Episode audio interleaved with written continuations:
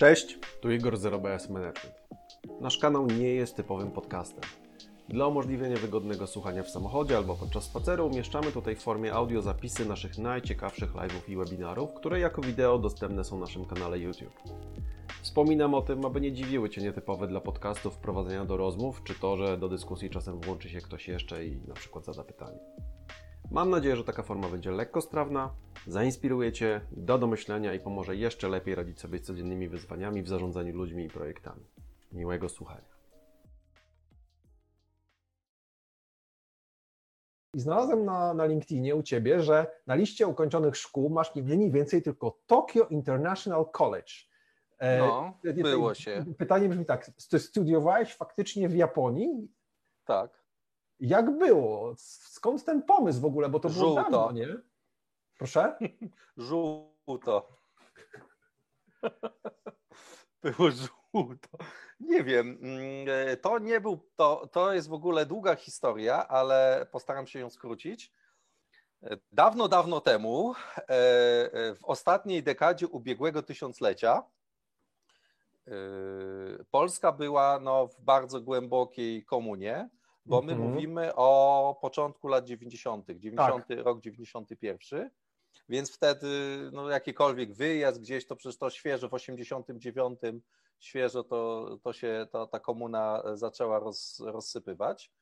Mm, więc no Polska to było, wiecie, 20 dolarów się zarabiało na miesiąc i, i, i to było wszystko. Tysiąc mhm. dolarów było niewyobrażalną No ja pa pamiętam, że wiesz, że no i co, no bo ja wtedy miałem tam, nie wiem, 8-9 lat, ale pamiętam już za dzieciaka, że co z tego, że wszystko zaczęło być w sklepach powoli, albo że granica była otwarta, jak cię po prostu nie było stać. No, więc e, no i wtedy tak się zdarzyło, że ja się udzielałem w różnych konkursach, olimpiadach. E, e, tu wygrałem, tam zająłem czołowe miejsce, tutaj się, no takie wiecie, taki powiatowy geniusz. I w międzyczasie, coś ty się śmiejesz? Nie, nie, no ja się śmieję. No z powiatowy, w jakim powiecie?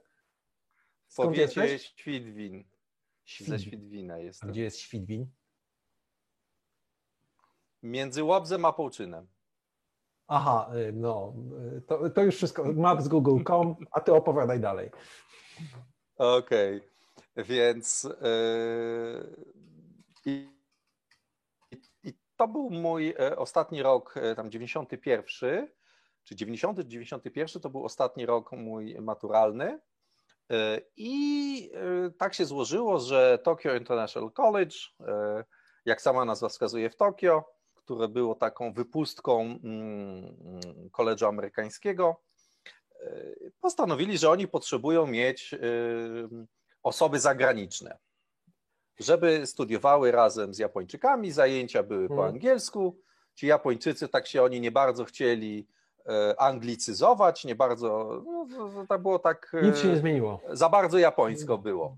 Za bardzo japońsko było. No więc, no dobra, no to przywieziemy E, przywieziemy ludzi anglojęzycznych, tam nie wiem, dwie osoby z Polski, tam dwie z Belgii, tam dwie ze Stanów, no i zrobimy takie, e, e, taką międzynarodową zupę.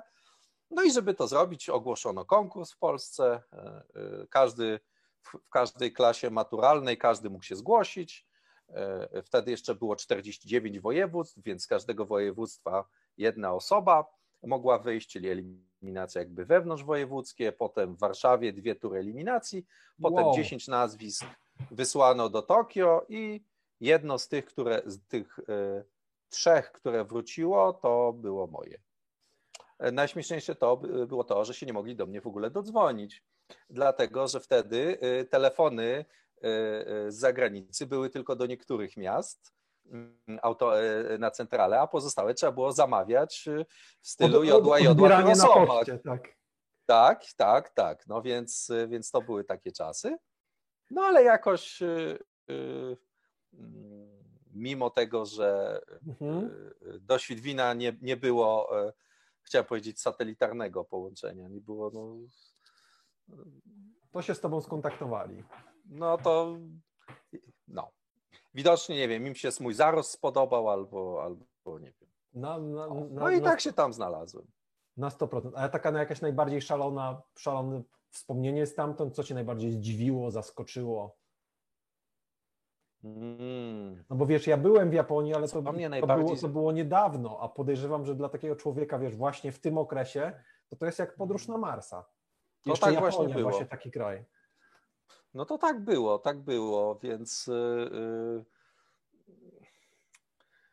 to wyobraźcie sobie chłopaka z wioski, de facto, siłą oderwanego od plantacji truskawek, gdzie tam pracował przez yy, tam ileś tam lat, zbierał te truskawki. Yy.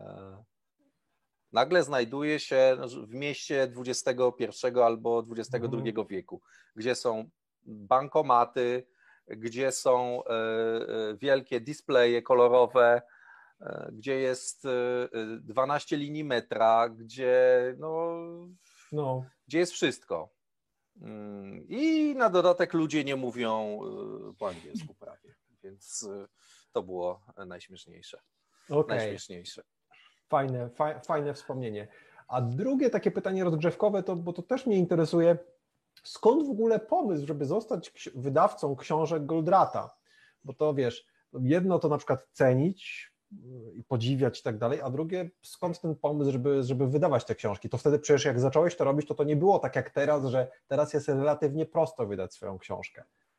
To, to no skąd to się wzięło? To było, a to się wzięło, mm, w ogóle Goldrat to, się, to, to jest jeszcze bardziej no to jest taka też zamieszła historia. Jak wszystko w życiu, e, prawie wszystko w życiu przez przypadek, zetknąłem się z, mhm. Mm, z, z jego powieścią e, Cel 1 po angielsku. Dał mi mój ówczesny mentor. E, I, I, na zasadzie, aż tu przeczytaj, to ciekawe. No ja to przeczytałem i, i rzeczywiście tak jak piszę tam gdzie niegdzie czasami w, w opisie, czy mówię, ja wziąłem tę książkę, zacząłem ją czytać wieczorem, i nie mogę mi odłożyć. Mm, tak. Ranek przyszedł i ja.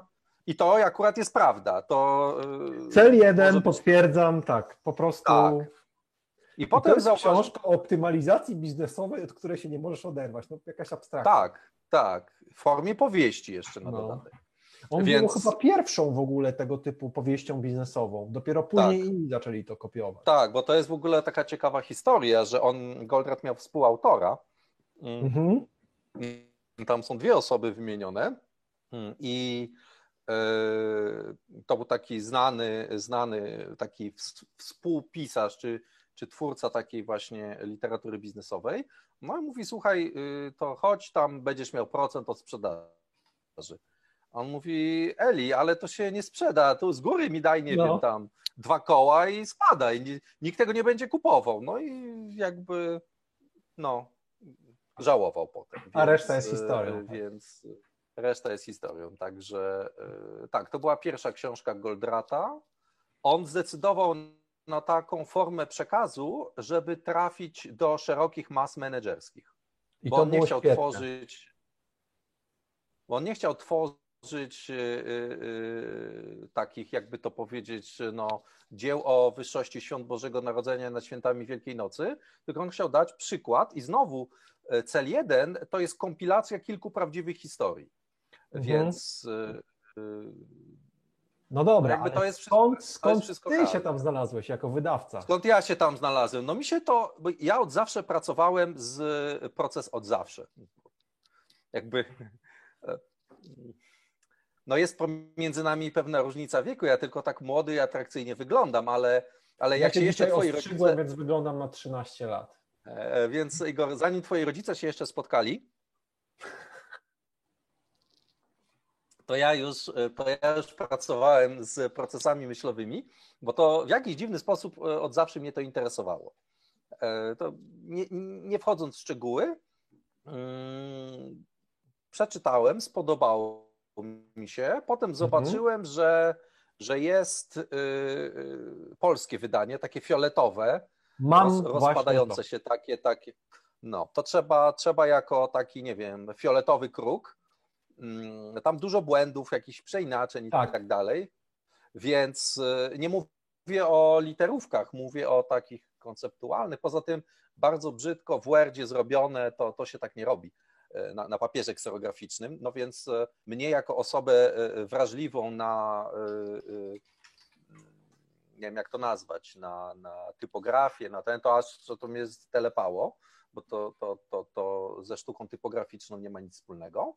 No więc e, razem z kolegą Tomkiem Bagińskim mówimy, on się zajmował tam poligrafią, e, e, mhm. reklamą, drukiem, mówię, no to chodź zrobimy. No to zrobiliśmy. No. Tylko najpierw wydaliśmy cel 2 na przyjazd doktora Ale Godrata halo, a gdzie do... prawa autorskie? No przecież nie możesz się tak po prostu wziąć i wydać Nie, no myśmy podpisali umowę przecież normalnie. Podpisaliśmy normalnie umowę Czyli generalnie to wydawnictwo, które Dr. wydało tę fioletową, za bardzo się tym nie interesowało i wy spokojnie uderzyliście do Goldrata, tak? No powiedz tak, powiedzieliśmy, że my chcemy y, y, to, to wydać. My to wydamy no, tak, jak, tak, jak to się robi. E, I w twardej oprawie, szyta, mm, papier wybieraliśmy bardzo, bardzo długo, potwierdzam. czcionka i powiedzieliśmy sobie, nie ma we wsi, to musi być e, tip-top. To musi być wieczna książka, którą się przyjemnie czyta.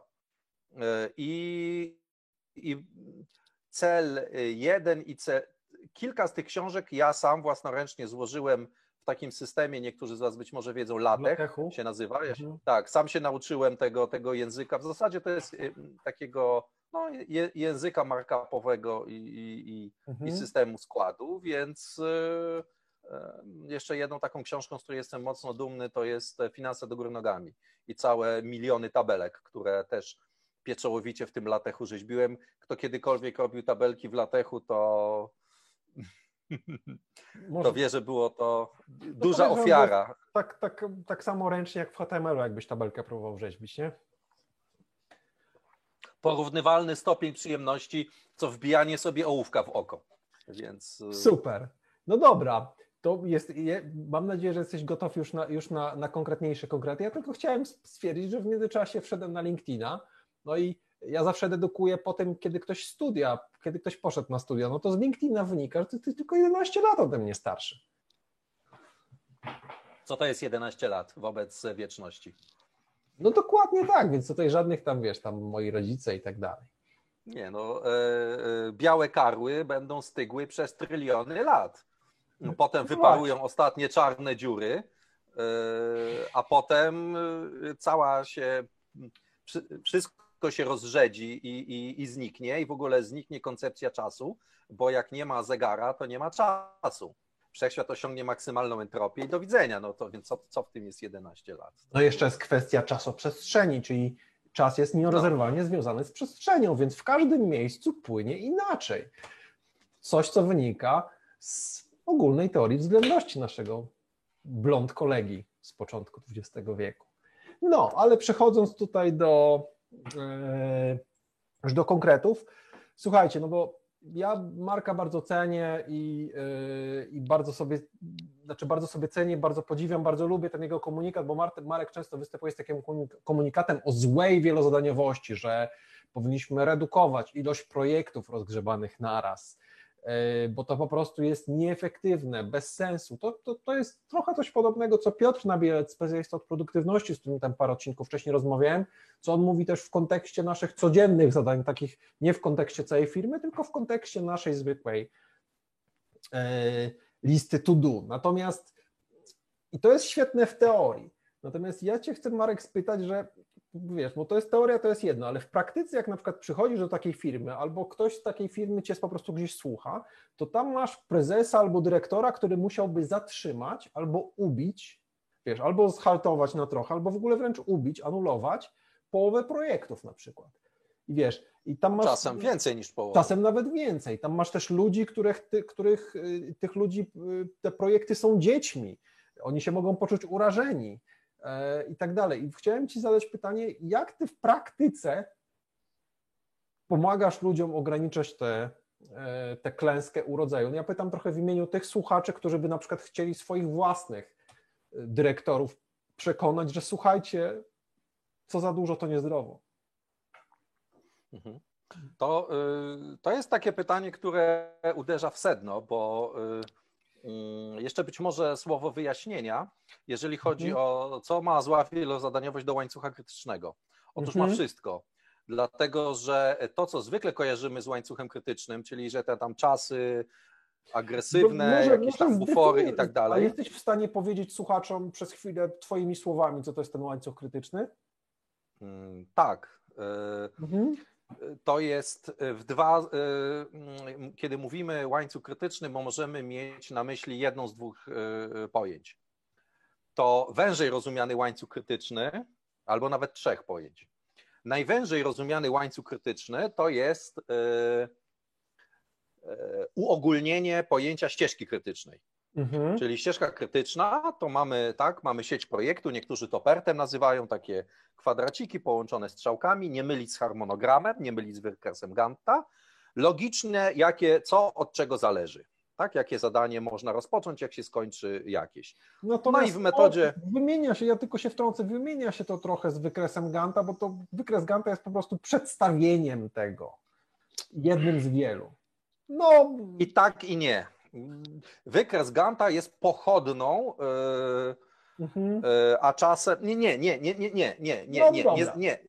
Nie, to jest osobny, osobny live. yy, Dlaczego wykres Ganta to 666? To jest yy, yy, pomiot szatana. dobra, wracając do łańcucha. E, Pomiot szatana i MS Projecta, więc to jest wykres Ganta. A propos, nie wiem, czy wiecie, kto yy, był twórcą wykresu Ganta. Y, To nie jest tak. Gant był twórcą, ale jednocześnie Karol Adamiecki, Tak którego jest. gwiazda nie zabłysła tylko dlatego, że mówił po polsku. E, Bo pamiętam to dobrze, bo miałem go na zajęciach z podstaw zarządzania, gdzie Mhm. musiałem wyrypać na pamięć życiorysy i dokładnie, ale akurat o Adamieckim zapomniałem wszystkiego, tylko napisałem dokładnie to, co powiedziałem, że ta gwiazda nie zabłysła. No i niestety miałem poprawkę z podstaw. Okej, więc łańcuch krytyczny, tak, czyli mamy taką sekwencję zadań, tych prostokącików połączonych zależnościami logicznymi. Czyli co muszę, na przykład e, Mhm. nie mogę zacząć e, murować fundamentów, póki nie wykopałem dziury. Nie Mhm. mogę e, wiercić dziury, póki nie mam ściany. Mhm. Trudno jest wiercić dziurę w nieistniejącej ścianie, tak? I to jest. e, e, I teraz ścieżką krytyczną nazywamy e, taką sekwencję zadań, która, której czas realizacji łączny jest najdłuższy. Oczywiście czas realizacji Mhm. planowany jest najdłuższy. Mm, A łańcuch krytyczny to jest uogólnienie pojęcia ścieżki krytycznej, dlatego że w łańcuchu krytycznym, w tym najwęższym rozumieniu tego słowa, uwzględnia się nie tylko zależności wynikające z logiki prac, ale również zależności wynikające z dostępności zasobów. Czyli jeżeli mam mieszkanie składające się z trzech pomieszczeń, to teoretycznie można byłoby każde z tych trzech pomieszczeń malować równolegle. Czyli Mhm. jakby tak, y, te zadania maluję pomieszczenie 1, 2, 3, one przebiegają równolegle, nie ma żadnych strzałek zależności między nimi. Ale jak mam jednego malarza, No dokładnie. no to już muszę te zadania zakolejkować, czyli dochodzą strzałki związane z, dostępno- z ograniczoną e, ilością zasobów. E, I teraz e, ścieżka krytyczna jest takim granicznym przypadkiem łańcucha krytycznego, kiedy nigdy nie brakuje zasobów. Czyli jest to pojęcie Czyli ściśle teoretyczne. idealnym, czyli już jest do śmieci Tak, razu. Czyli to jest takie ciało doskonale czarne, takie y, Mhm. y, to, mm, pojęcie z zakresu y, abstrakcji y, menedżerskiej. To nie ma czegoś takiego. Więc i to jest najwęższe rozumienie pojęcia łańcuch krytyczny. Jest teraz szersze rozumienie pojęcia łańcuch krytyczny Mhm. jako metoda łańcucha krytycznego w środowisku jednoprojektowym, czyli metoda łańcucha krytycznego dla jednego projektu.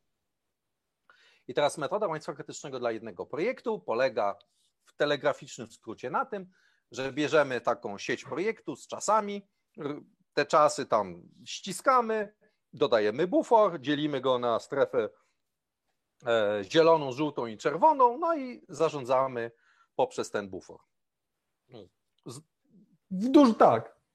w totalnym uproszczeniu. Mhm. I to jest to, co się ludziom najczęściej kojarzy, tak? Czyli, że są jakieś bardzo krótkie czasy, jest jakiś bufor i ja w sumie, powiem, czym, i w sumie nie wiadomo, co to ma dawać, ale to jest takie, to jest takie dziwne i, i dużo o tym mówią, ale o co chodzi, to mi to w się, sumie mi się to kojarzy tak. Ganty i standardowe ścieżki krytyczne to już jest ochryste, jakie, sko- znaczy jakie upierdliwe do stworzenia. A jak kiedyś zobaczyłem gdzieś łańcuch krytyczny rozpisany, to po prostu mówię, serio? dlaczego?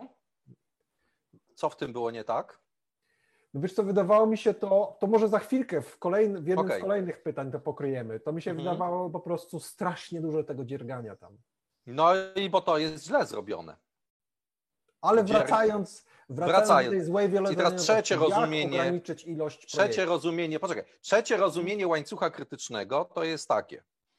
Łańcuch krytyczny de facto jest metodą e, zapewniania niezwykle wiarygodnych. Niezwykle wiarygodnych oznacza znacznie ponad 95% na czas albo przed czasem, bez kompromisu, jeżeli chodzi o zasoby, zakres, y, jakość i tak dalej. No w środowisku wieloprojektowym.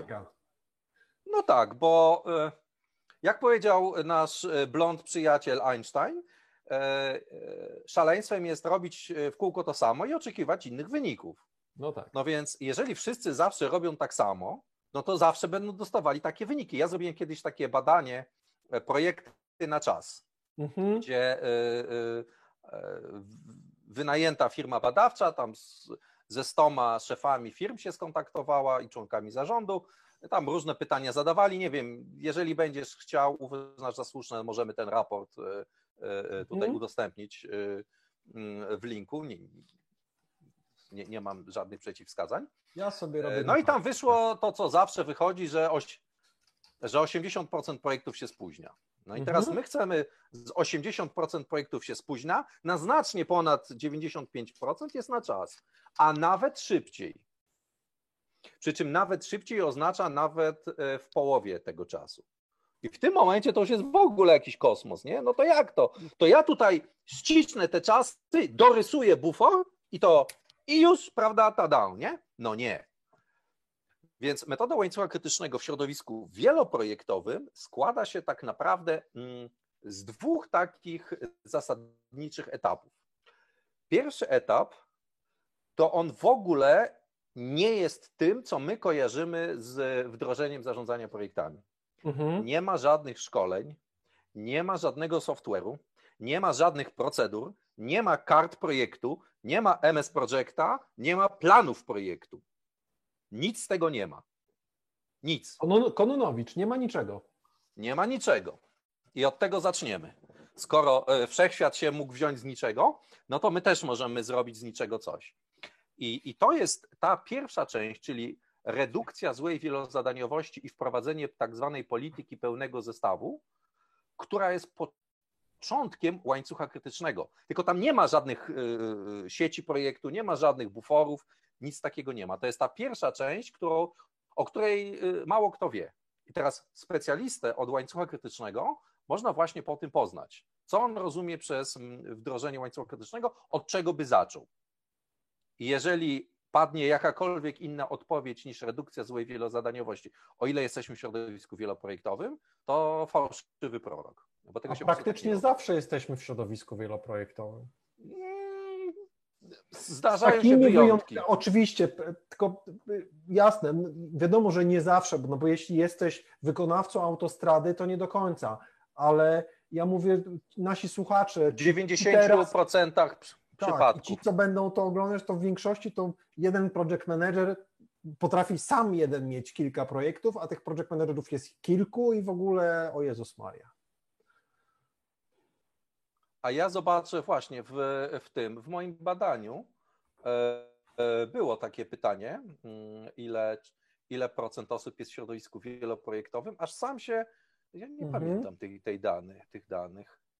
E, W, środowisko, w środowisku jednoprojektowym tylko 15%. No, bo mamy środowisko wieloprojektowe 45%, środowisko wielo, przepraszam, wielojednoprojektowe 45%, wieloprojektowe 40%.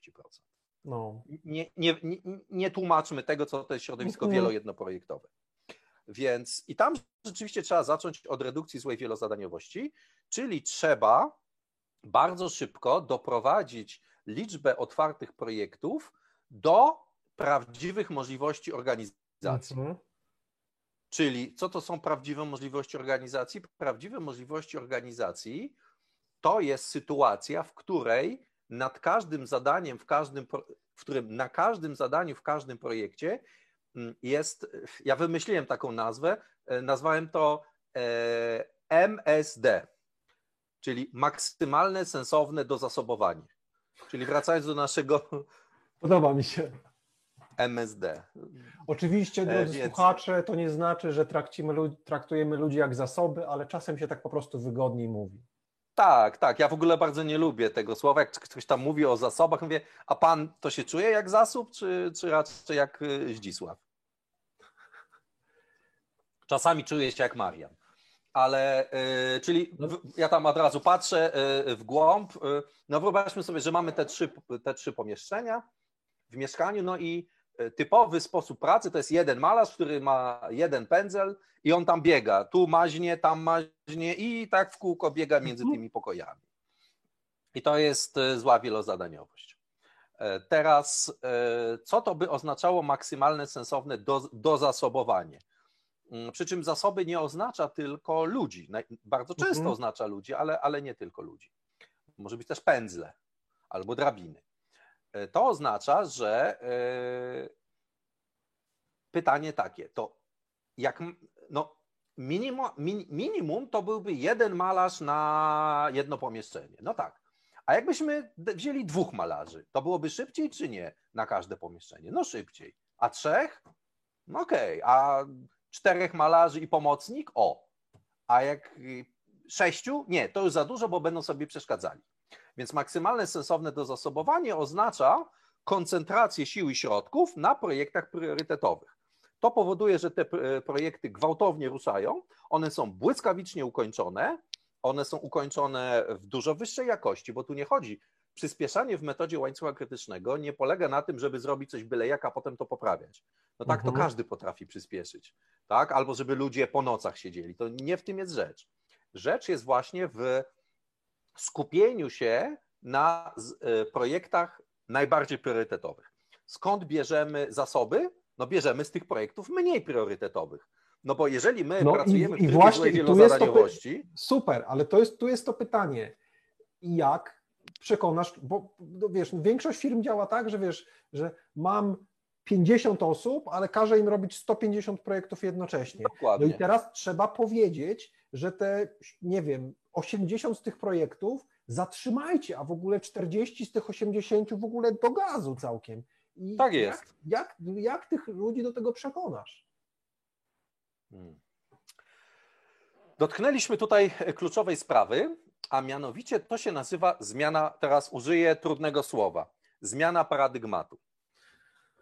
Tak, sposobu Bo- widzenia rzeczywistości. Dokładnie, więc paradygmat, ja, ja paradygmat porównuję do wody. My jesteśmy e, ryby, my jesteśmy w wodzie, e, ryby nie wiedzą, że są w wodzie. Nie wiem, czy Państwo zdajecie sobie z tego sprawę.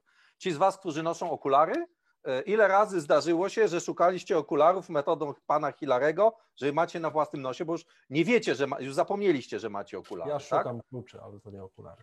Okej, więc zmiana paradygmatu to oznacza nagłe uświadomienie sobie, że jestem w wodzie i potem wychodzę na ląd, o, jestem na powietrzu i, i wszystko, co było prawdziwe w wodzie, przestaje być prawdziwe na powietrzu. Na razie I- nam i dajesz jest- bardzo fajne metafory, konkretnie. I to jest, i to jest proces bardzo, bardzo, bardzo bolesny i bardzo, bardzo, bardzo trudny. Właśnie. Więc jak powiedział Sandler, bo tutaj będziemy sypali nazwiskami z rękawa, ja na Ten wszelki wypadek tu. Tak. Ja na wszelki wypadek tutaj rękaw e, Otwarty. podwinąłem, żeby szybciej sypać. Tak. E, powiedział tak. To jest te, tego rodzaju przekonywanie, czy, czy, czy mm, z, przeprowadzenie ludzi przez zmianę paradygmatu, to jest pewnego rodzaju sprzedaż. A Mhm. e, pierwsza, pierwsze zdanie Sandlera jest takie: sprzedaż odbywa się w bólu. Tak, Ja sobie to zanotuję. Bardzo proszę. sprze- No, Księga Przysłów, e, rozdział pierwszy, werset pierwszy. ale ty tutaj nie Sprzedaż księguj mi przysłów, tylko dalej i to, to, no dobrze, sprzedaż odbywa się w bólu. Czyli I teraz co to znaczy? przykład, jesteś w stanie Po, właśnie... poczekaj, poczekaj. Mhm. Podaję przykład. Klient w krawacie jest mniej awanturujący się. Czyli tego typu zmiana, będąc zmianą radykalną, porównywalną do transplantacji serca, to nie jest zabieg kosmetyczny. No nie. Tylko, No bo, no bo to jest wybebeszenie wszystkich dotychczas obowiązujących poglądów, zasad działania, przyzwyczajeń, Exceli, tabelek i, i tak dalej, i tak dalej. Więc musi być bardzo dobry powód, żeby to zrobić. I teraz o co chodzi z tym klientem w krawacie? E, klient pod ścianą zrobi wszystko. Jeżeli zobaczy, że to, co próbował do tej pory, nic to nie dało i że to jest jedyna jego e, szansa, bo on musi mieć wyniki. I wtedy umysł człowieka gwałtownie otwiera się na myślenie logiczne. Dobra, to teraz pytanie yy, takie wredne, ale nie dla ciebie, tylko dla rzeczywistości. Mhm. Yy, czy widzisz jakieś na przykład grupy klientów, grupy osób, z którymi byś chciał pracować, czy pracowałeś, które częściej stają pod ścianą, tak naprawdę pod ścianą i są bardziej otwarte, a widzisz takie, które nigdy nie stają. Do czego zmierzam? Chodzi mi o to, że ja często widzę y, na przykład po dużych korporacjach, że tam praktycznie się nie staje pod ścianą. A wprowadzenie takiej gigantycznej zmiany to byłoby zbyt niewygodne, więc po co, więc niech będzie tak, jak było. Tak wiesz, na szybko to mi przychodzi do głowy, że prędzej no jakaś tak. po, polska firma E, nawet duża, tak ale, ale której zależy faktycznie, jej zależy na kasie, na, na robieniu tych projektów, tak. prędzej na to pójdzie. Mam dwa przykłady. Mam dwa przykłady. Mam dwa przykłady. Eee, przykład numer jeden to jest, e, siedzę sobie tam kiedyś, dzwoni telefon. Numer nieznany, odbieram. Dzień dobry, dzień dobry. Panie Marku, pan mnie nie zna, nazywam się tam tak i tak. Dzwonię do pana z miasta XYZ wie pan, ja tutaj słyszałem o panu różne rzeczy, no, że pan jest jakiś takim e, maniakiem od tych karteczek, jakiś, że pan jest taki dziwny w ogóle. No ale szczerze mówiąc, wie pan, ja już e, pracowałem ze wszystkimi, ja już próbowałem wszystkiego, nic mi nie pomogło, no więc wie pan, to już trochę tak jak do, do Kaszpirowskiego albo do Hausa, no dzwonię do pana, bo już nie mam do kogo zadzwonić. O. A co się stało? No bo wie pan, tutaj no firma mi bankrutuje. A dlaczego bankrutuje? A, bo my mamy bardzo dużo klientów. Mm. Ja... Genialne. No, więc e, i to był właściciel firmy prywatnej, prywatny człowiek, gdzie jego cały, firma tam około sto kilkadziesiąt osób, gdzie cały, to był cały jego dorobek życia, to był jego służbowe BMW i tak dalej, i tak dalej. Mhm. Mm, e, I no jakby więc on miał motywację, e, tak. żeby to zrobić. I to było bardzo piękne, pięknie wszystko zrobione. Z niezwykłą determinacją. Rzeczy równie przyjemne jak wymiotowanie przez nos, jak y, y, dokonywanie samemu na sobie y, operacji wyrostka robaczkowego drewnianą łyżką, on to wszystko zrobił. Widziałem robić. reportaż jakiegoś radzieckiego lekarza na Antarktydzie, gdzieś tam w latach 60., czy kiedyś sam tak. sobie goś zrobił operację wyrostka. Tak, tak, tak, tak. Tak. No więc no to, to, to jest jakby. I on to wszystko zrobił. Dlaczego?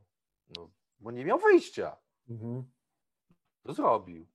Bo stał Czyli pod ścianą. Dobrze dedukuje, że to ograniczenie złej wielozadaniowości, takie naprawdę, takie bez kompromisów, to dzieje się tylko no wiadomo, że nie, nie tylko w takich przypadkach, ale w większości tylko wtedy. No chyba, że ktoś nagle na przykład sam z siebie przeczyta Goldrata i dozna iluminacji, to podejrzewam, że to też może tak się zdarzyć. Ale raczej trzeba, trzeba być pod ścianą, tak?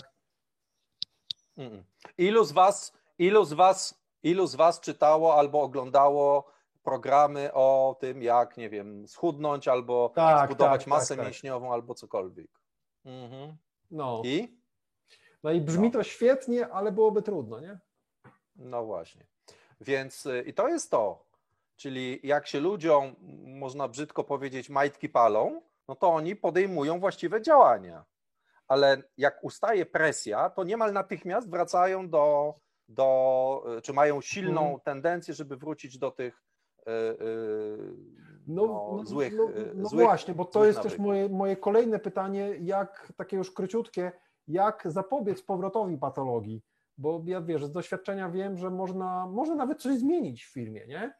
ale że jest straszne parcie i straszna presja, żeby wrócić do starego. Przecież było tak pięknie, a to jest niewygodnie. No zredukowaliśmy tę ilość projektów. Mamy tylko siedem projektów i faktycznie kończy się szybciej.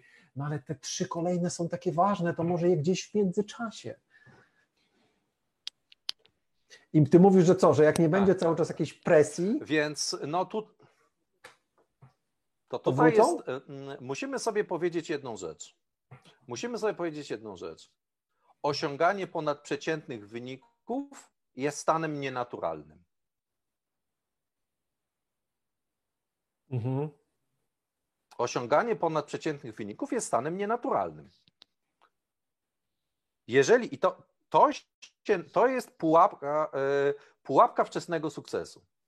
Czyli osiągnęliśmy wyniki, poprawiło się, o dobra, już mamy, myśmy nie zrobili nawet 10%, ale zrobienie tych 10% już dało taki szaleńczy wynik, a dobra, to już możemy tam, i to jest o tej y, kurze, co, czy tam gęsi, co znosiła złote jaja. Więc tam ją rozciął, żeby, żeby więcej tych jaj Żeby mieć, a tam szybciej. nie było. Żeby szybciej. Więc y, tak naprawdę to zależy od, od jednej rzeczy, od y, determinacji, od, od zrozumienia, od determinacji mm, i od umiejętności wytworzenia kultury trzymania się ustaleń. Mhm. Teraz przypuszczam, że kolejne pokolenia, yy, wy, chciałem powiedzieć moich wychowanków, no to w sumie jest to już parę tysięcy osób w Polsce, że to są osoby, które yy, zobaczyły, zrozumiały, uwierzyły, tam włożyły ten, te, ten palec yy, i jak oni zaczynają tak pracować, to już następne pokolenia będą pytały, no trochę, to, to jak wyście te projekty, to wyście robili 10 naraz? To nie wiem, wyście pili 10 to wodę z kałuży? No. Wodę z kałuży piliście? No powiedz mi jeszcze, że nie mieliście telewizorów. A co to jest telewizor? Tak? A, a jak, jak nie mieliście, y, jak nie było internetu, to jak y, mamusia do taty maile wysyłała? Nie wysyłała. Eee, nie, by, nie było. No ale maili. rysujesz to taki, taki, taki świat, a ja wszędzie widzę tę złą, złą wielozadaniowość. No Wszędzie. tak. No to jest. No to, ale bo to jest zmiana paradygmatu. No, kiedyś ludzie nie myli rąk. y, Lekarze nie myli rąk. Tak, Słynny Ignacy. Semmelweis. Mhm. Znana historia, tak? No i on wynalazł to mycie rąk, że jak idziesz z kostnicy po sekcji zwłok, to nie wystarczy otrzepać z tych, nie wiem, z tej zgnilizny ręce i wytrzeć się fartuch, bo kiedyś był taki zwyczaj, że dobrego chirurga poznawano po tym, że miał cały zakrwawiony, y, y, taki był urąbany, bo to znaczy, że ma doświadczenie. On w tym chodził. Taki czym bardziej był oblepiony tymi, nie wiem, tak, tymi szczątkami, tu jakieś piszczele z kieszeni wystają, tu nie wiem, jakieś flaki się dyndają. No to O, on był znaczy doświadczony. O, patrz, o, z kieszeni, patrz, to wczorajsza. Więc, y, no i ten Semmelweis y, odkrył, że jak się będzie jednak tam myło te ręce, dezynfekowało tam w roztworze tego a takiego, no to nagle z 30% śmiertelności jest 3%. No i za, w każdym miejscu, kiedy tak Mhm. zrobiono, to było te same wyniki. Oczywiście cały establishment był przeciwko niemu, wsadzili go do domu wariatów, gdzie umarł e, na gangrenę pobity przez e, e, tego sanitariusza. No. Czyli Na jego zmiana przyjmowała się latami. To chyba ze 100 lat to trwało, więc a teraz dzisiaj no umyj ręce, gdzie e, tam dotykałeś e, e, klamki, ręce myj. no. Więc, Czyli, czyli ty, więc Marek, jakby... jesteś, pozyty, jesteś taką siłaczką, jesteś pozytywistą. Po prostu pracujesz u podstaw, siejesz, jak ojciec Nie. dyrektor. Trzeba siać, siać, siać.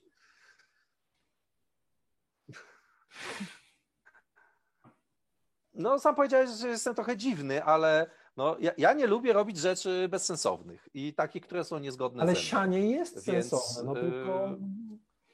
Bo ja, bo ja No ale- sparafrazuję, zrozumiałem całą twoją odpowiedź tak, że tak naprawdę Yy, redukcja złej wielozadaniowości oczywiście jest kluczowa, ale jest jednocześnie bardzo trudna i ktoś musi być na to gotowy. Tak. I tym takim najważniejszym, To jest proste, ale trudne. musi mu się palić pod dupą i wtedy po prostu jest gotowy. Inaczej Tak jest. I wtedy się pojawia gwałt. Gotowość pojawia się natychmiast. To musi być albo sytuacja. musi Ja być zauważyłem tak to. w takim paradygmacie, nie jeśli na przykład... A to już jest drugie, bo to jest pokolenie.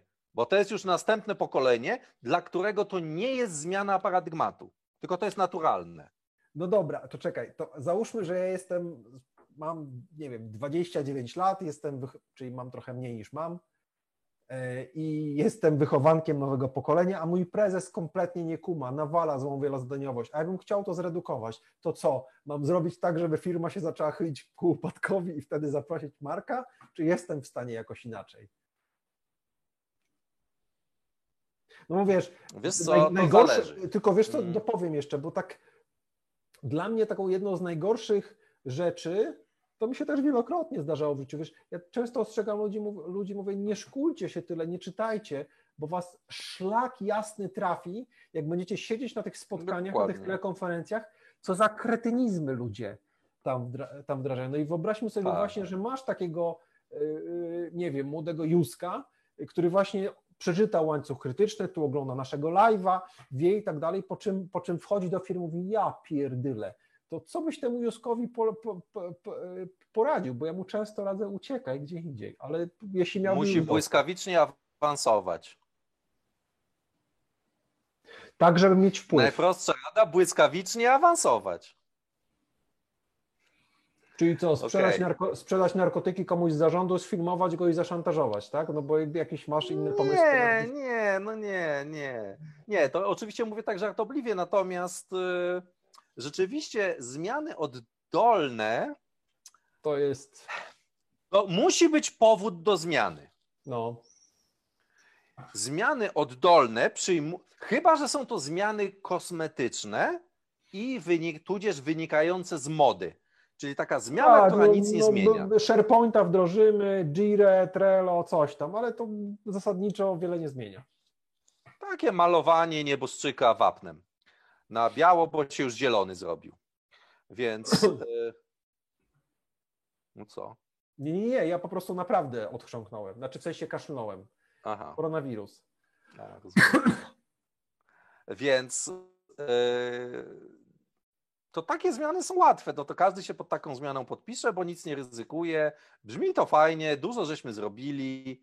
E, Co prawda nic z tego nie wyszło i zaraz e, e, za rok będzie nowa zmiana, nowa restrukturyzacja, nowy świetny pomysł i tak dalej, i tak dalej. No i tak możemy w tej zmianie tam Mhm. był Lean, to teraz jest Agile, po Agile'u będzie Agile Lean, a potem będzie, czekaj, Six Sigma już była, czy, czy jeszcze będzie? Czy, Była, czy jest Teraz czas. będzie Teraz będzie 7 Sigma i y, wszyscy mają czarne pasy, to teraz będą mieli, nie wiem, złote pasy będą, albo zielone czapki, więc y, no i to takie.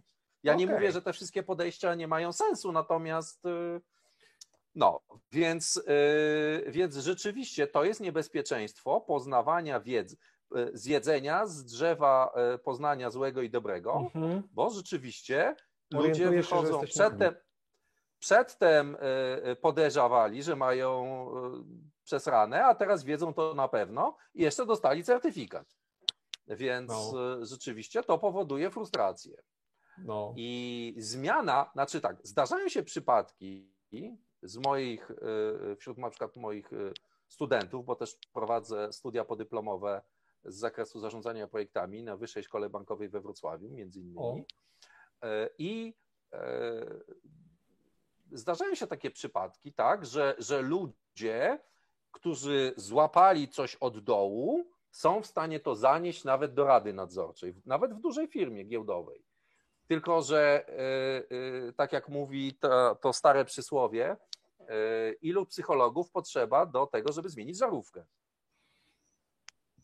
Kojarzę ten dowcip, ale nie pamiętam jak to szło, no. Wystarczy jeden, ale ta żarówka musi naprawdę chcieć się Chcieć. zmienić. Tak.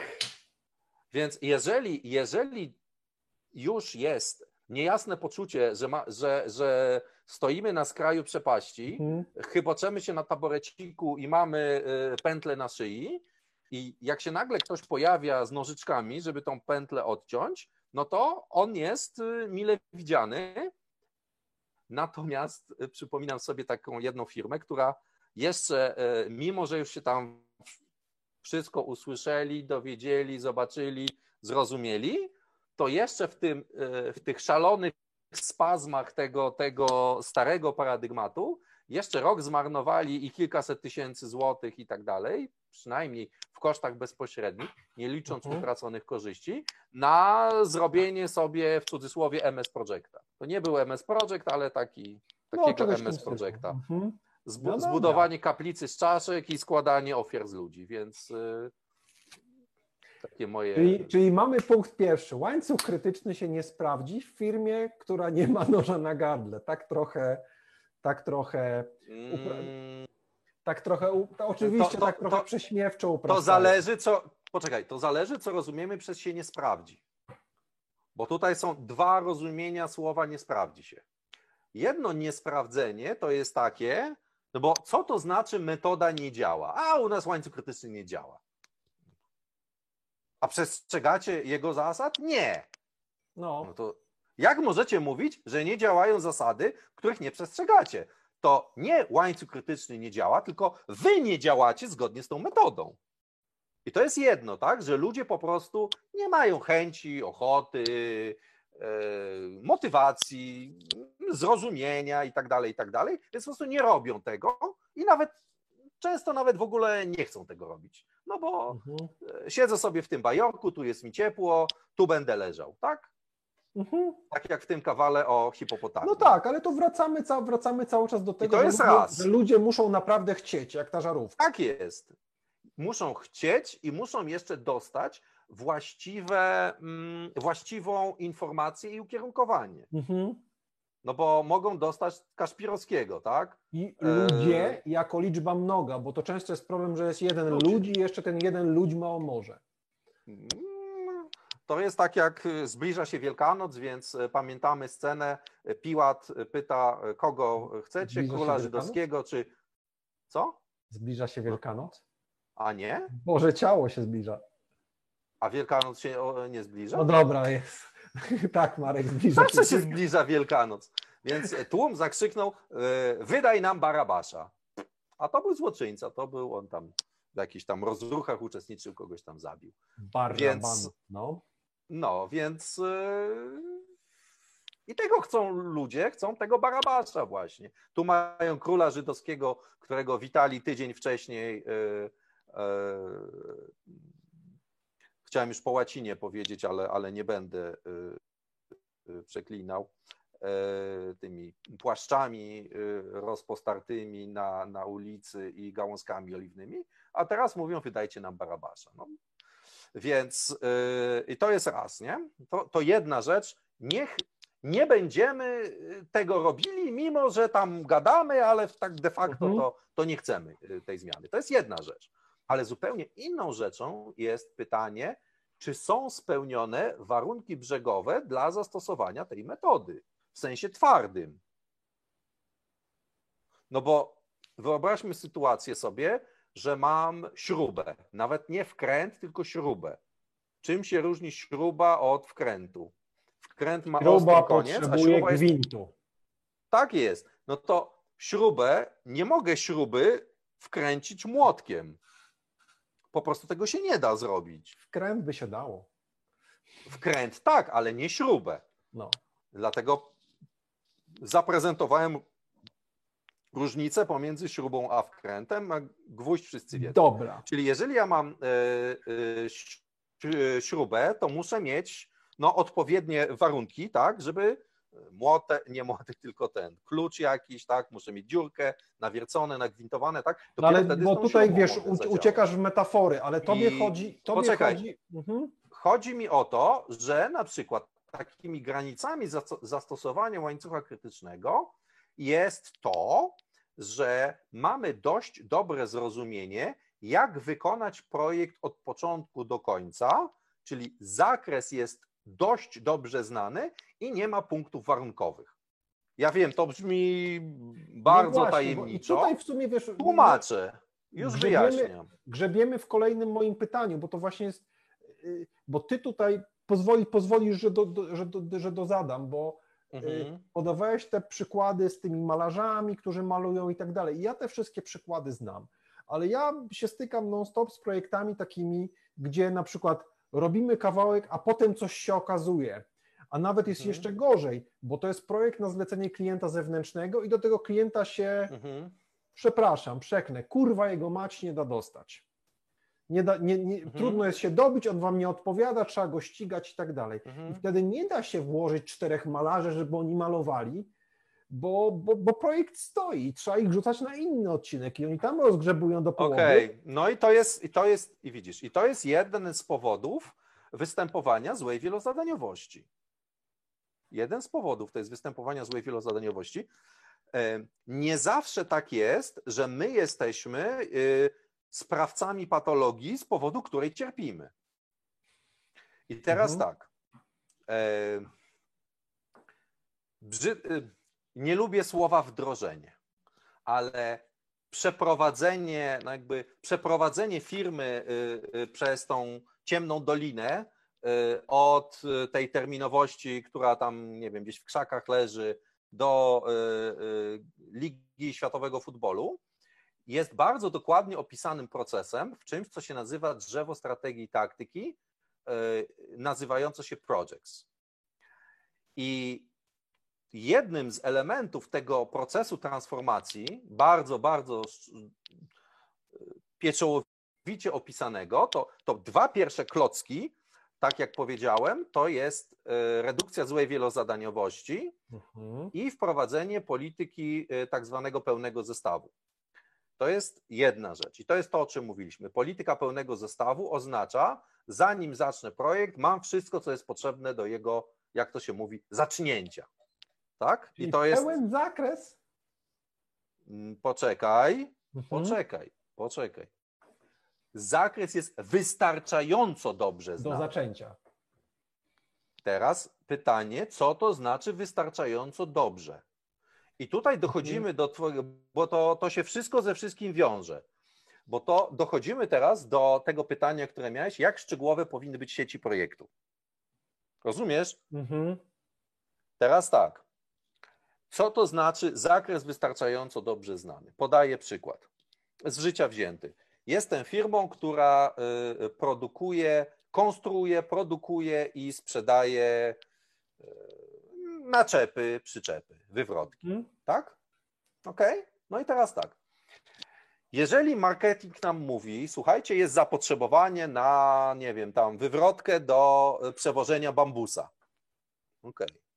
W Afryce. Tam, bambusy ścinają i przez pustynię tam z dżungli wiozą y, przez Saharę y, i potem to wyrzucają na statki. Trzeba Mam z nadzie- taką mam nadzieję, że to nie jest rasistowskie. A dlaczego miałoby No być? nie, no nie, bo teraz już wszystko jest rasistowskie, więc ja to tak po prostu tylko się. A, okej. No chyba, że jest to skierowane przeciwko białym, to wtedy jest. e, No, ładna dzisiaj pogoda. Wracając do justice. przykładu. Wracając do mojego przykładu. I teraz tak. Pytanie, co to znaczy zakres wystarczająco dobrze znany? Okej. Ano to znaczy, co musi mieć taka, taka wywrotka? No na pewno musi mieć jakąś tą, nie wiem, tą, tą miskę musi mieć. Na pewno musi mieć jakąś ramę. Na pewno musi mieć osie. A ile tych osi? Mm, Okej. Może dwie, może trz- trzy, a może sześć. Zastanówmy się, mam piasek. Dobra, to będzie miało sześć osi. Okej. Jakie dokładnie, co? My nie wiemy, ale wiemy, że będzie miało sześć osi. Będzie miał jakiś silnik, tak? Na co silnik będzie? Na, na wodę, na piasek, na, e, nie wiem, trzcinę cukrową. Tego jeszcze nie wiemy, ale silnik będzie. Kabina Mhm. będzie. Będzie instrukcja obsługi. Mhm. Mm, W kabinie będzie kierownica. Z lewej czy z prawej? Nie wiemy, ale kierownica będzie. Mhm. Tak? Czyli zakres wystarczająco dobrze znany oznacza te klocki, z których to się składa, my wiemy, jakie są. Natomiast wcale nie musimy wiedzieć, jakie te klocki one będą w detalu zrobione. mm, e, i to e, jest przedmiotem, takie, takie jakby takie podejście, czyli poczekajcie, e, krok wstecz. Inżynierowie wśród nas wiedzą, co to jest Bill of Materials albo struktura wyrobu. Ale ja te, i ci, co zdawali PMP, bo się musieli, musieli wrypać na pamięć. Struktura wyrobu. Nie mylić ze strukturą podziału pracy. Nie Tak. mylić z WBS-em. To nie jest to samo. Tak? Czyli z, z czego się BOM to składa jest po rower? prostu lista, z czego się składa dany, dana maszyna. Lista, ale taka hierarchiczna, czyli rower się składa z dzida. Jeszcze po- 14 dzida składa się nakrętek, czegoś tam, czegoś tam. czegoś. przeddzidzia, śróddzidzia i zadzidzia, tak? I przeddzidzie się składa z przeddzidzia przedniego i tak dalej, i tak dalej. Co się składa z czego hierarchicznie? I dla znaczącej większości projektów na takim poziomie ogólności, tak zwanego tych złożeń, e, nie wiem, e, mm, jeden albo dwa poziomy w głąb, no to my wiemy, no jak budujemy wannę, no to wiemy, że w wannie jest tam to, to i tamto. I nie jest tak, że, że nagle wanna się przekształci, nie wiem, w lodówkę, tak? No i właśnie, czyli, czyli no dobra, ale I metoda łańcucha, Mhm. i metoda łańcucha krytycznego nadaje się do zastosowania w momencie, kiedy ten zakres jest relatywnie stabilny. Co oznacza, że teraz do prinsowców ukłon. Co oznacza, że jeżeli mamy projekt, w którym robimy, potem jest decyzja, to nie mamy, to nie możemy zaplanować czegoś, co my są, jest trzy punkty decyzyjne odsunięte. Tylko my Mhm. możemy tak zaplanować, jak stoję na szczycie jednej góry, no to widzę dolinę i dojście, ale już nie widzę drugiej doliny. Czyli mogę zaplanować tylko to, co mogę zaplanować, tak? I e, natomiast wewnątrz, jak to jest robione, może być pełen agile, scrum i w ogóle. Czyli metoda łańcucha krytycznego nie mówi nam, e, jaką metodą, czy jaką łopatą, czy, czy nie wiem, czy w jaki sposób my wykonujemy zawartość tego, tego elementu zakresu projektu. Więc jeżeli tylko, jeżeli tylko można takie w miarę sensownej wielkości komponenty wydzielić, które są stabilne, to zmiana sposobu wykonania komponentu nie jest e, zmianą planu projektu. Jest Mhm. zmianą sposobu wykonania pracy, która może prowadzić do wydłużenia czasu lub skrócenia czasu, ale ona nie jest zarządzana z poziomu zarządzania projektem mi- mikro. Ona jest tylko i wyłącznie zarządzana poprzez wydłużenie lub skrócenie czasu, na przykład poprzez dodanie dwóch albo trzech sprintów. Mhm. Okej. Natomiast jeżeli my totalnie nie wiemy, co robimy, że raz robimy system, nie wiem, raz robimy CRM, a na koniec z tego nam wyszło, nie wiem, e, e, oprogramowanie do telefonu e, albo do stacji bazowej, albo nie wiem, Mhm. e, to miał być sterownik miksera, a, a wyszło z tego e, gra komputerowa, Ale to jest skrajnie niestabilne projekty to są. okej, ale trochę, Takich trochę, jest trochę, bardzo trochę mało. tutaj Marek ironizujesz, nie? Ale ja na przykład Nie. Nie. Nie ironizuję. Tak, przykładem takich projektów są e, startupy. Tak, Zaczynam od e, jednego, a kończę na drugim, czymś Jasne. zupełnie innym. no i, I tam, tu się, tu się metoda łańcucha krytycznego nie nadaje do tego. Zupy przykład- pomidorowej się nie je widelcem. no ale na przykład, czyli super, czyli tu mamy na przykład takie, ale Tak jest. startupy, ja na przykład myślę o ogromnej ilości takich firm jak na przykład agencje marketingowe, gdzie siedzą Mhm. goście i na przykład robią jakieś kreacje, czyli wiesz, design, wy, wygląd, nie wiem, jakieś reklamy, czegoś i tak dalej. I No. nie wiadomo, która, która wersja się klientowi spodoba. Ale to nie ma Y, znaczenia. No tak, Na dobra. odpowiednio dużym poziomie ogólności to nie ma znaczenia. No to teraz Ci zadam takie pytanie. Teoretycznie powinieneś mieć tam, jak nazwałeś tą ilość zasobów odpowiednich? Jak Odpowiednią. Ma maksymalne sensowne dozasobowanie. MSD. Masz powiedzmy cztery projekty, cztery projekty naraz i w jednym się szybko, w ogóle bardzo szybko. Pierwsza wersja tej, tej kreacji chwyciła, a w tych drugich nie chwyta. E, No, I w, I w tym pierwszym, to jak już chwyciła to, to jest taka, taka No. chwila, że klient jeszcze się coś musi zastanowić, co dalej. I ci ludzie nie mają co robić. To co im wtedy zrobić? i co z tego? To mają siedzieć i się nudzić, tak? A dlaczego nie? No właśnie, ale tak nikt nie zrobi. A dlaczego? No bo to jest bez sensu, przecież tra- A dlaczego to jest bez sensu? znaczy ja mówię, ta, y, wiesz co? Nie, no ja tak, pytam, no ja wiem, no to mieliśmy tak y, metodą tam sokratyczną czy sokratejską, tylko on źle jest taka skończył, bo się herbatą ziołową zatruł. Strat, jest taka percepcja, że jest to strata czasu i do pewnego No stopnia bardzo dobrze. nie będę się kłócił, bo to jest strata czasu, bo ja rozumiem, I? że I jestem, w stanie, jestem w stanie zaakceptować, że ci ludzie, nie wiem, stracą pół dnia tygodniowo, no ale jeśli będą mieli siedzieć cztery dni, nie robiąc nic, to to jest destrukcyjne. Dlaczego? Bo jest destrukcyjne dla nich, bo nie mają co robić. Poza tym inne projekty się wkurzają, bo oni nie, bo oni nie mają, nie mają co robić i tak dalej, i tak dalej, i tak dalej, i tak dalej. Czyli ty Nie rozumiem. Co to znaczy, udajesz, że nie rozumiesz. nie mają co robić? Nie, naprawdę nie zrozumiałem. Inne projekty nie mają co robić? Nie, Nie, nie, nie, nie. nie rozumiem. Załóżmy, że masz trzy, y, trzy projekty jednocześnie w takiej agencji. Mhm. No i tam zawsze jest dużo wymiany z klientem Mhm. no, różnych rzeczy, nie? E, Mhm. E, I w tych, w tych dwóch trwa cały czas, oni coś robią, do klienta Ja wysyłają, rozumiem. klient im mówi, zróbcie wyżej, zróbcie niżej, a w ogóle to zróbcie Mhm. różowo.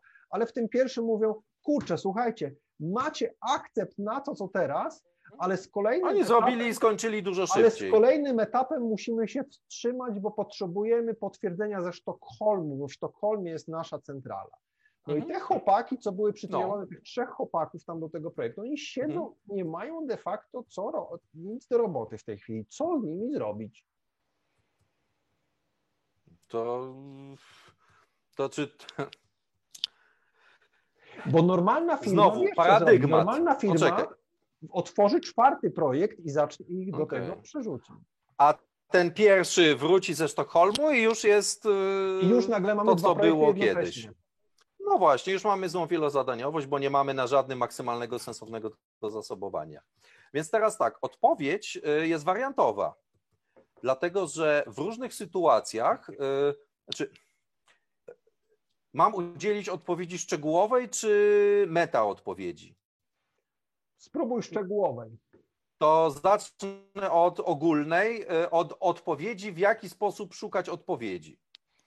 Pierwsza obserwacja to jest taka, powiedziałeś bardzo, bardzo ważną rzecz, a mianowicie, że jest percepcja, że drogi niewykorzystany zasób jest źródłem poważnych strat. I to jest paradygmat znowu. Paradygmat, czyli pewien sposób myślenia, tak głęboko utarty, że my już w ogóle nawet się nad tym nie zastanawiamy. To już jest oczywiste totalnie, tak? E, Ryba jest w wodzie, musimy płacić podatki, tak? Bo tak zawsze było i e, PIT e, to To kto by nie było pitów. Okej. No, a propos tego, ile wynosiły podatki w starożytnym Rzymie i, i tak dalej, to, to osobna dyskusja Innym razem. przy tak zwanym wirtualnym piwie. Innym razem. Więc e, jak sobie przypomnicie z celu 1, znaczy ci, co czytali, przypomną sobie z celu 1, problem się zaczął od, od momentu, kiedy e, uruchomili roboty przemysłowe. I za te roboty zapłacili kupę szmalu, no ale okazało się, że te roboty, one w zasadzie nie mają co robić. Więc żeby roboty były zajęte, no bo jak nie są zajęte, to znaczy, że nie są w pełni wykorzystane i jak się tam zaalokuje, podzieli i tak dalej, to wychodzą złe liczby. No więc cała e, fabryka została podporządkowana temu, żeby roboty miały zajęcie. Czym się to skończyło? Skończyło się to mm, e, zatorami, e, wydłużeniem czasu realizacji zamówień, pełnymi magazynami wyrobów gotowych, a mimo to nie było czego, oni wszystko mieli na magazynie, tylko nie to, co klient chciał, no i zaczęli się chylić ku upadkowi i Alex Rogo dostał trzy miesiące od gościa w wiśniowym Mercedesie, żeby e, sytuację uratować. No więc oto skutki picia wódki, oto skutki błędnego paradygmatu.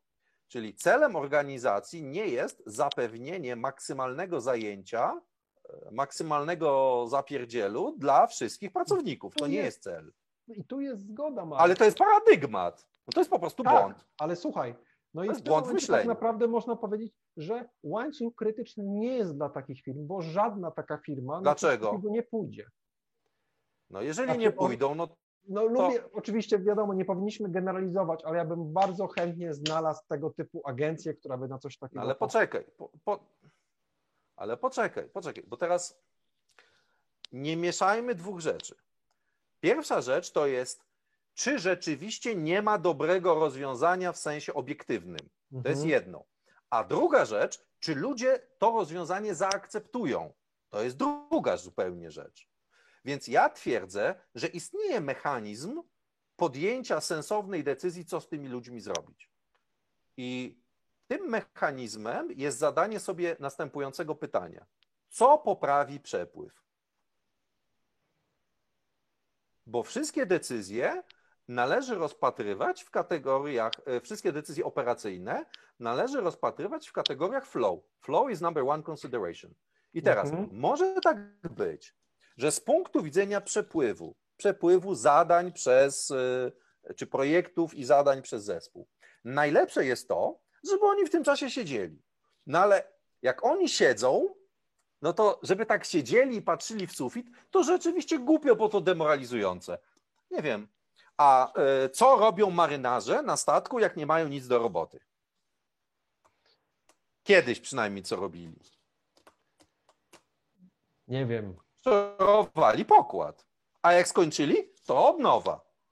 Czyli co mogą robić? Mogą, nie wiem, ołówki temperować, mogą mieć e, słynne googlowskie kiedyś 20% czasu na swoje kreatywne projekty.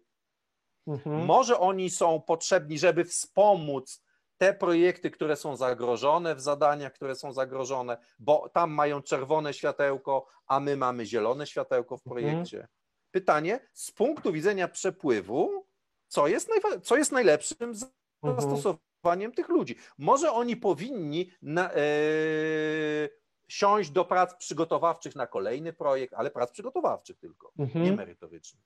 No więc jakby udzielenie, y, więc y, paleta odpowiedzi jest znana, tylko z tej palety wybieramy odpowiedź taką, która y, daje pozytywne twierdze, pozytywną odpowiedź na pytanie, co zmaksymalizuje przepływ.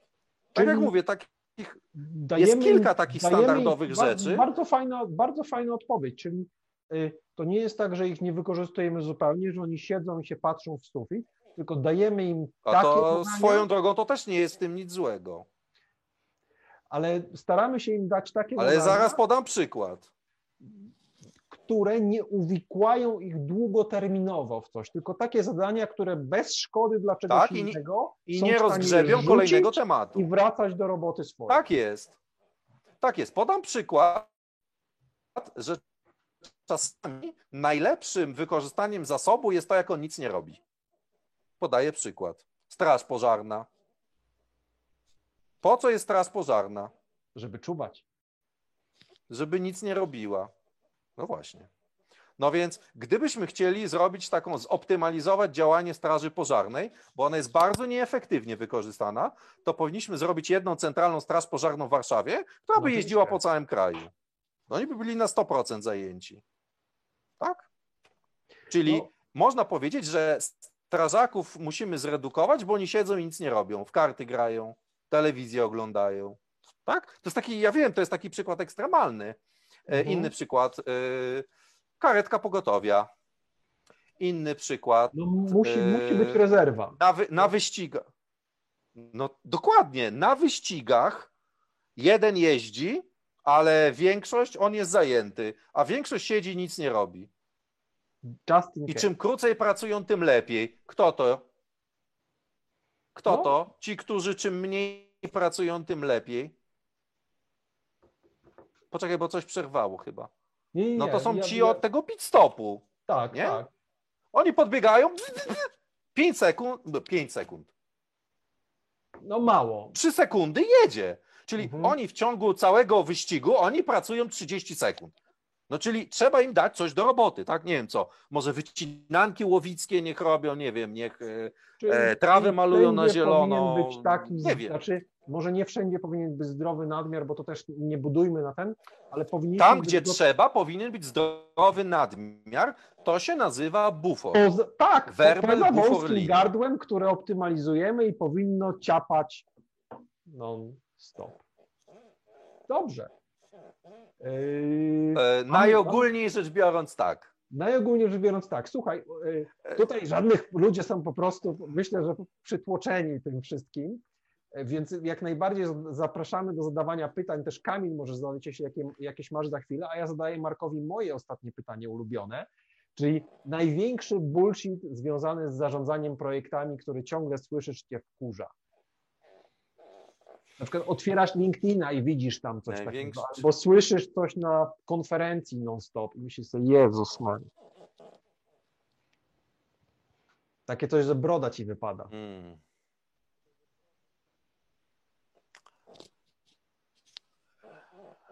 Z tych różnych myśli, które mi się y, tłoczą do głowy, najbardziej przychodzi mi do głowy myśl, że w sytuacji, kiedy projekty się nie wyrabiają, robimy szkolenie z zarządzania projektami dla ludzi w projektach.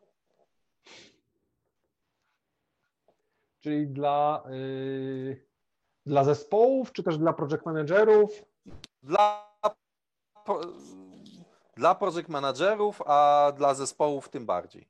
Mhm. Czyli w momencie, jak na autostradzie jest korek, bo jest yy, yy, ta, mm, jak się nazywa, bramka poboru opłat, to my yy, uczymy kierowców, Doszkalamy yy, kierowców. jak yy, jeździć. Doszkalamy kierowców, bo, no bo problem się objawia wśród kierowców, ale przyczyna jest gdzie indziej. Co oczywiście, To jest jedna z najgłupszych rzeczy, którą znaczy, można zrobić. Ja jako właściciel firmy szkoleniowej powiem, że takie szkolenia nie mają sensu, bo często ci kierowcy też po prostu jeżdżą i nie umieją jeździć i jest kompletna masakra. Od czego masz należy zacząć? zdanie, dawaj. Od, nie, nie. Od czego należy zacząć, to ja powiedziałem. Tak. I jak to się mówi, powtarzać się nie będę. Mhm. Od tego trzeba zacząć. No. Bo tam jest przyczyna źródłowa. No, tak jak mówię, no możemy tego pacjenta malować y, wapnem na biało, jak on ma żółtaczkę, ale nie wiem, czy dostanie białaczki od malowania wapnem, ale będzie wyglądał na białego, e, a nie na żółtego, ale pod spodem, jak się e, trochę wapno obkruszy, to on nadal będzie żółty, nadal będzie chory. Mhm. Mhm. Więc Nie, to zawsze znaczy, nawet nie, nie, nie tyle, bo to sam Goldratt mówił, e, gdzie tam chyba w wolności wyboru, e, że e, celem takich optymalizacji, i to są takie optymalizacje, o których ty mówisz, jest gigantyczna, skokowa poprawa. I to w tym przypadku byłaby gigantyczna, Mhm. ludzie tego nie lubią. skokowa poprawa. I szkolenia, zarządzania projektami tego typu rzeczy, to nie jest tak, że to w ogóle nic nie poprawia, ale to są te poprawy o 7,5% i tak dalej. I to może pomóc, natomiast faktyczna skokowa poprawa, tylko że ona boli i firma musi być na nią gotowa, jest możliwa właśnie wtedy, kiedy. Żarówka, nie firma musi być na nią gotowa. To jest, to nie jest tak. Nie firma musi być gotowa. Ludzie. To jest właśnie, to jest właśnie bardzo yy, niedobre myślenie według mnie. Mylne. Mylna teza.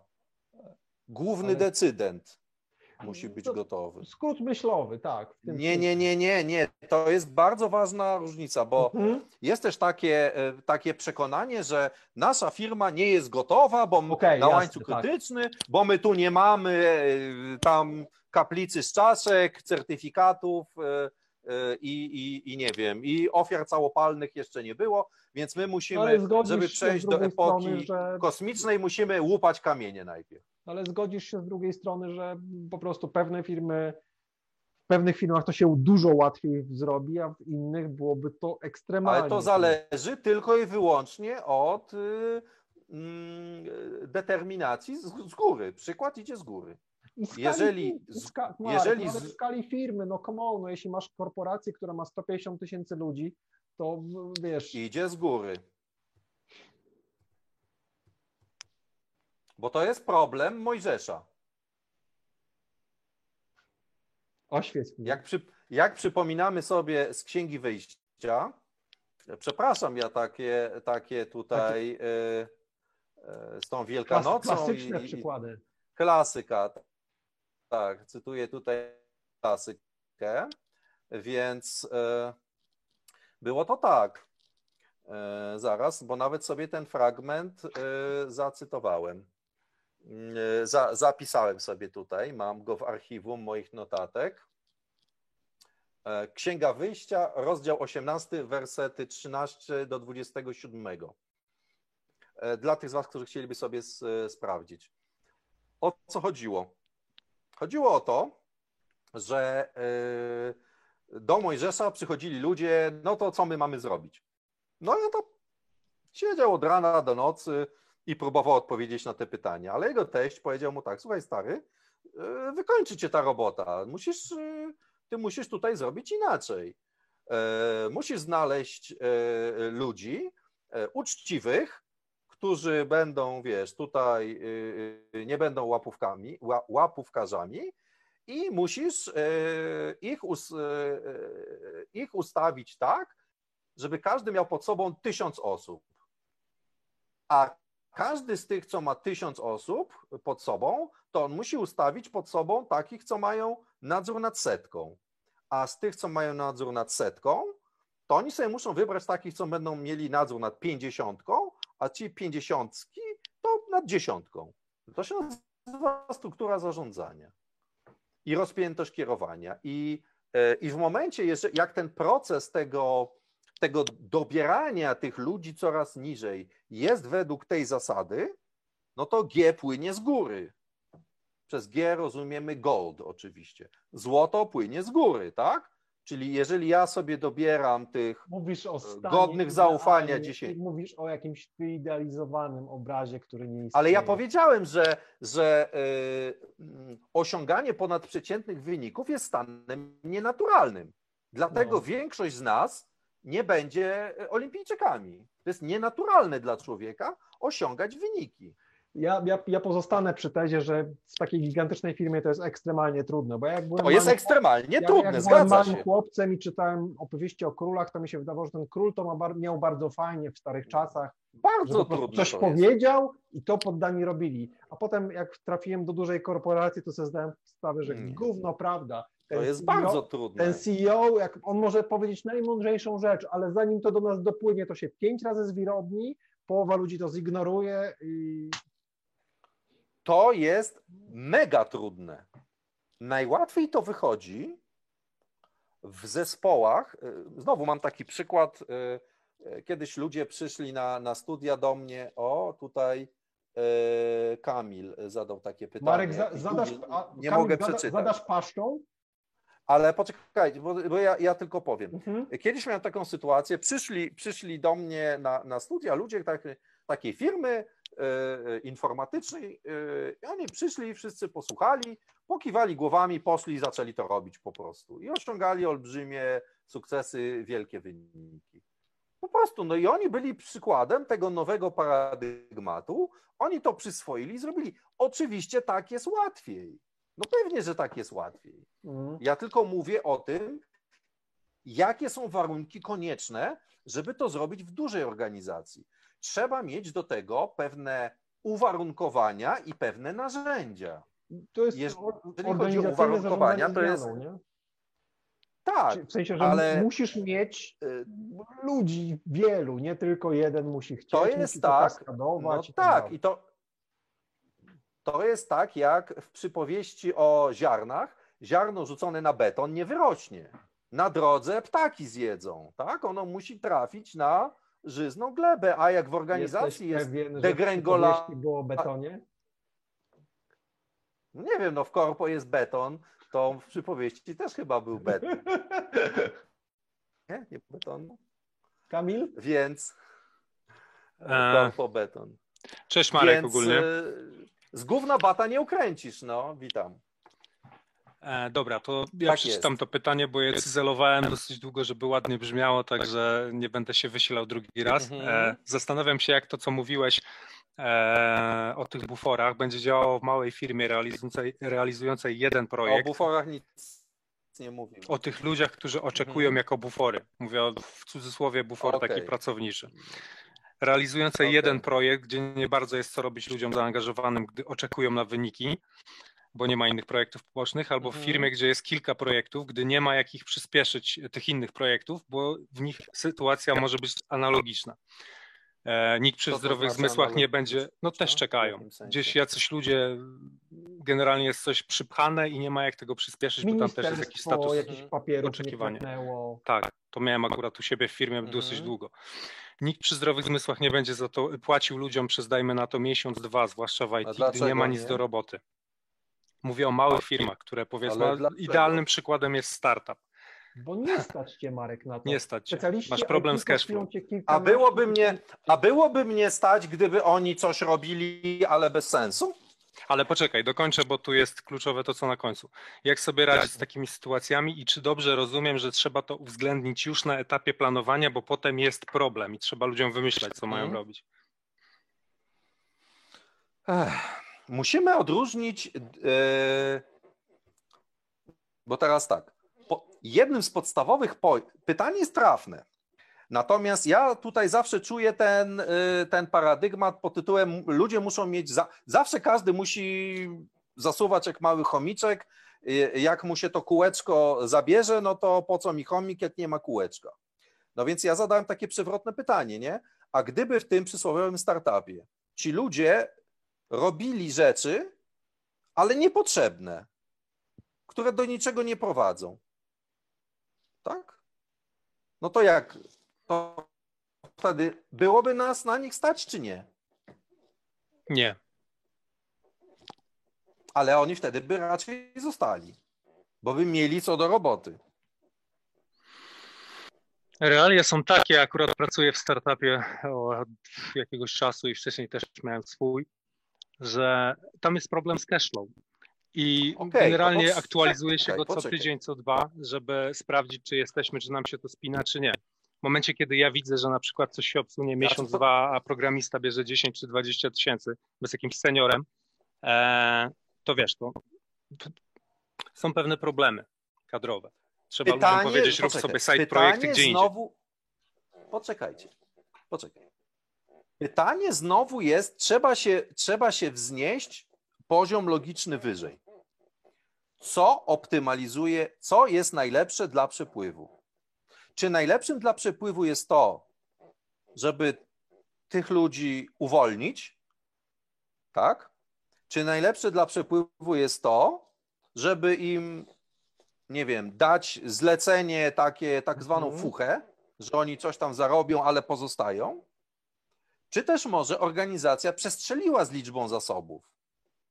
No bo istnieje w, w, w, teorii ograniczeń jest takie pojęcie e, mm, bufora.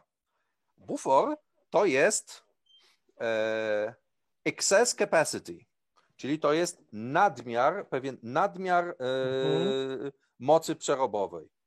I teraz nie będę tłumaczył dlaczego, ale jeżeli tych mocy przerobowych jest na styk, to zawsze ich jest za mało. Mhm. Nas w sam raz znaczy za mało. Tak? Czyli jeżeli my średnio potrzebujemy 10 osób, to jak mamy 10 osób, to to jest za mało. Nieważne. Nie wchodźmy w to teraz dlaczego. Teraz tak. Czyli to oznacza, że ja muszę mieć pewną nadwyżkę ponad te 10 osób, tak? Powiedzmy, muszę mieć 12 osób. No chociażby no tak. dlatego, że ktoś sobie nogę złamie. Przysłowiowe 12 osób, tak? Przysłowiowe, tak? Dwa, czyli plus 20%, tak? I to oznacza, że ta excess capacity to jest tak naprawdę, znowu ja mówię po angielsku, bo to się tak nazywa, protective capacity, czyli e, taka, mm, jak to nazwać to? E, Bufor zabezpieczający. Za, e, takie, mm, nie chcę używać słowa bufor za bardzo, ale e, że to jest ta no, protective capacity, czyli taka ochronna moc. No. Czyli rezerwa, czyli taka rezerwa, tak jak w silniku mamy rezerwę mocy, że nie jedziemy ze wskazówką na czerwonym polu, tylko jedziemy na tam powiedzmy 80%.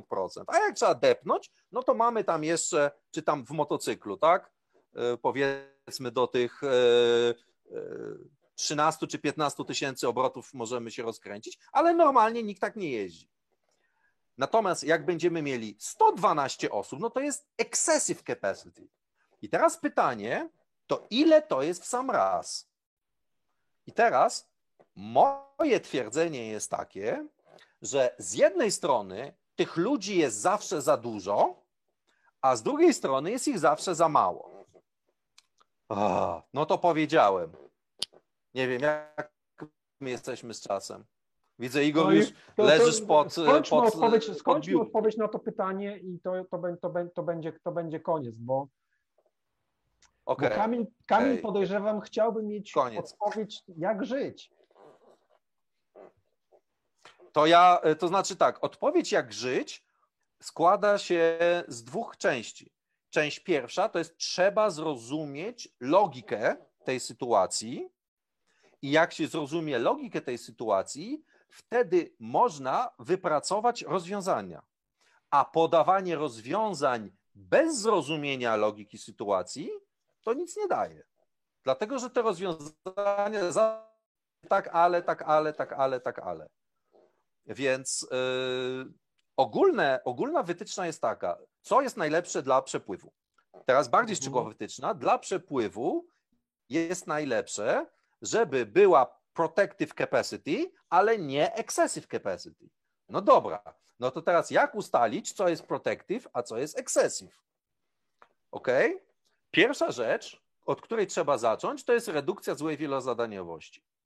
Może być tak, że zła wielozadaniowość jest też w jednym projekcie, bo za, ona jest na poziomie zadań z tego jednego projektu.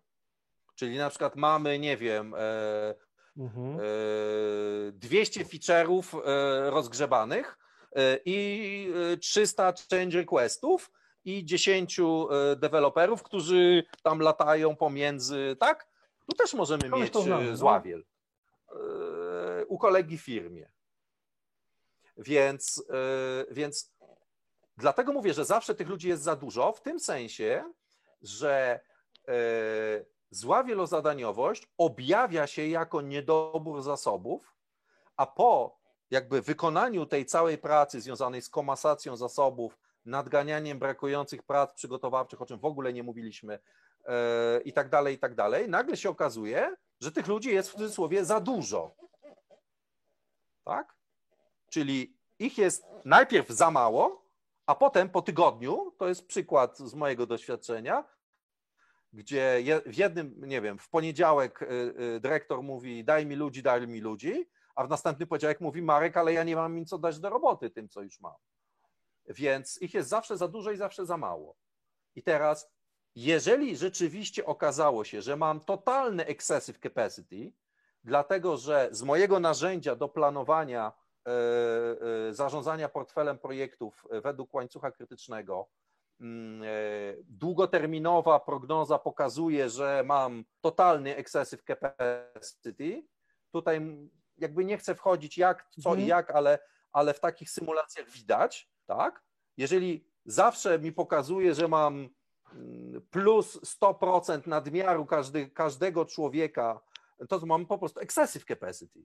I teraz pytanie, co z tym excessive capacity zrobić? bo to jest w ogóle inne pytanie, jak się już ujawni to, ten excessive capacity, czyli nadmiar ponad protective, to co jest właściwą decyzją? Czy właściwą decyzją jest ich zwolnić, czy właściwą decyzją jest wziąć kolejny projekt, czy właściwą decyzją jest zrobić e, e, spin-off, e, który będzie mhm. fuchy robił krótkie, czy właściwą odpowiedzią jest po prostu im płacić, żeby byli w, w odwodzie?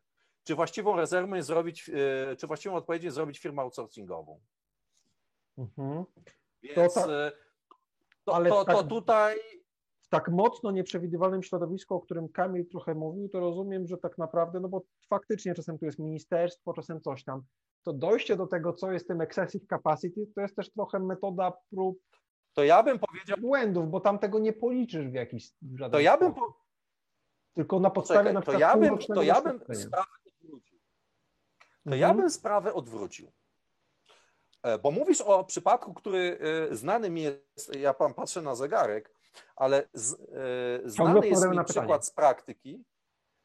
Tak, znany jest mi przykład z praktyki, gdzie była sobie taka firma software'owa, która miała dokładnie taką sytuację, jak opisujesz. Ona miała niewielką liczbę dużych klientów, głównie firm państwowych, i tam było tak, jedziemy, jedziemy, jedziemy, stop.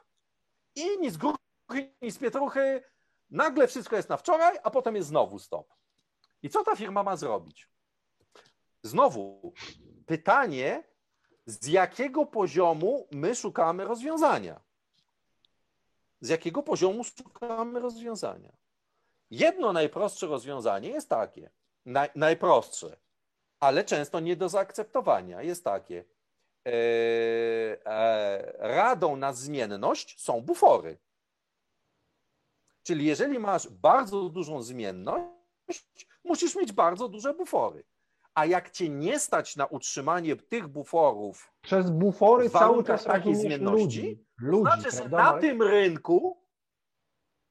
Jeszcze raz? Bufory ludzi, tak, rozumiesz tak. ludzi, że... bo, bo ja, ja, ja to tak, za, dlatego, ludzi. Że, że ludzie zapas przez ludzi, bufory tak, rozumieją ekstra ekstra, ekstra ludzi. Tak, tak, tak. Tak, więc jeżeli się okazuje, że żeby e, zapewnić responsywność w sytuacji, kiedy projekty idą w sposób totalnie szarpany i albo jest pełne stop, albo jest cała naprzód e, i to w pięciu rzeczach naraz, i jak się okazuje, że ja tych ekstra ludzi muszę opłacać, utrzymywać i, i mi się to po prostu nie kalkuluje, to oznacza, to to jest dobani rynek, to są dobani model, głupi model biznesowy, na którym się nie da zarobić. Koniec.